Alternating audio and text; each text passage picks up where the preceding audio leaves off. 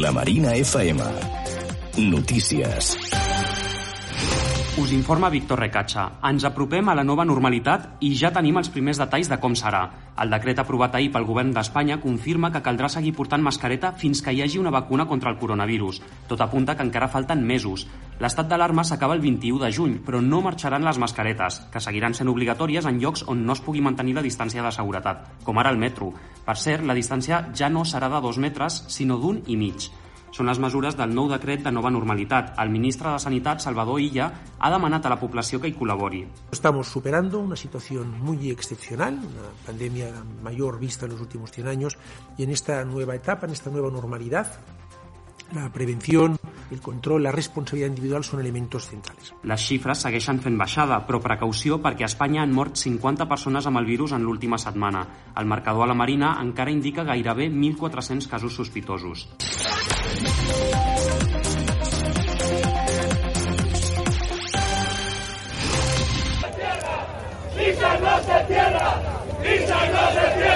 És el so de plaça Catalunya en flames. Ahir els treballadors de Nissan hi van fer una foguera on van cremar fotografies dels directius de la multinacional.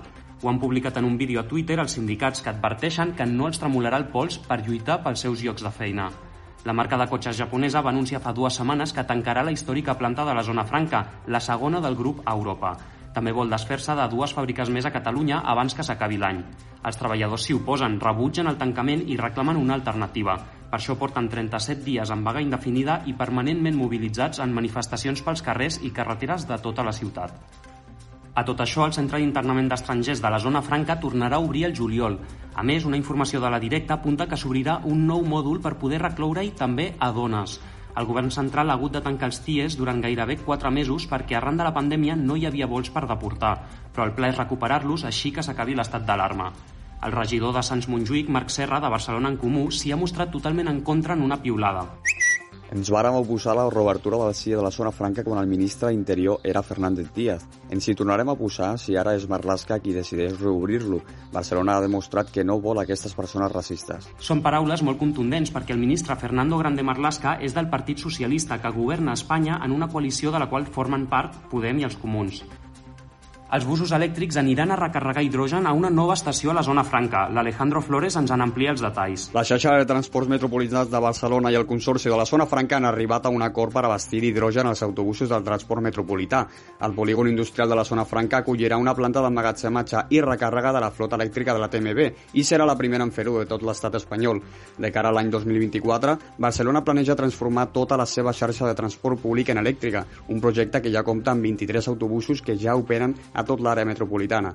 Aquesta nova planta pretén incorporar 8 més a la seva flota cap a finals de l'any vinent.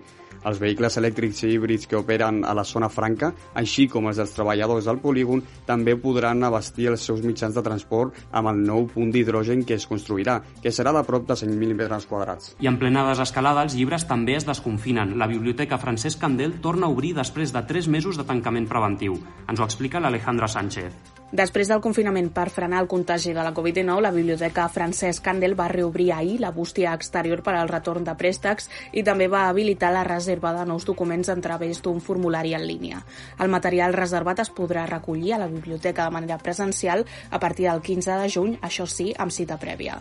La Candel no és l'única biblioteca de la ciutat que reobre, sinó que set biblioteques més de tota la ciutat se sumen aquesta setmana al procés de desconfinament gradual de les biblioteques de Barcelona, després que des del passat 2 de juny 11 biblioteques ja tornessin a estar operatives per al retorn, reserva i recollida de documents. Entre aquestes es troba una altra biblioteca al districte, la Vapor Vell de Sants, que també admet retorn de documents a la bústia exterior de l'edifici. A partir d'aquesta setmana ja tenim més llibertat per fer esport. És a causa de l'entrada en fase 2, que ha variat una mica les mesures de prevenció. Ens les detalla l'Albert Aguilar. En la fase 2 de les escalades s'apliquen les restriccions esportives de la fase 1, però amb algunes novetats importants.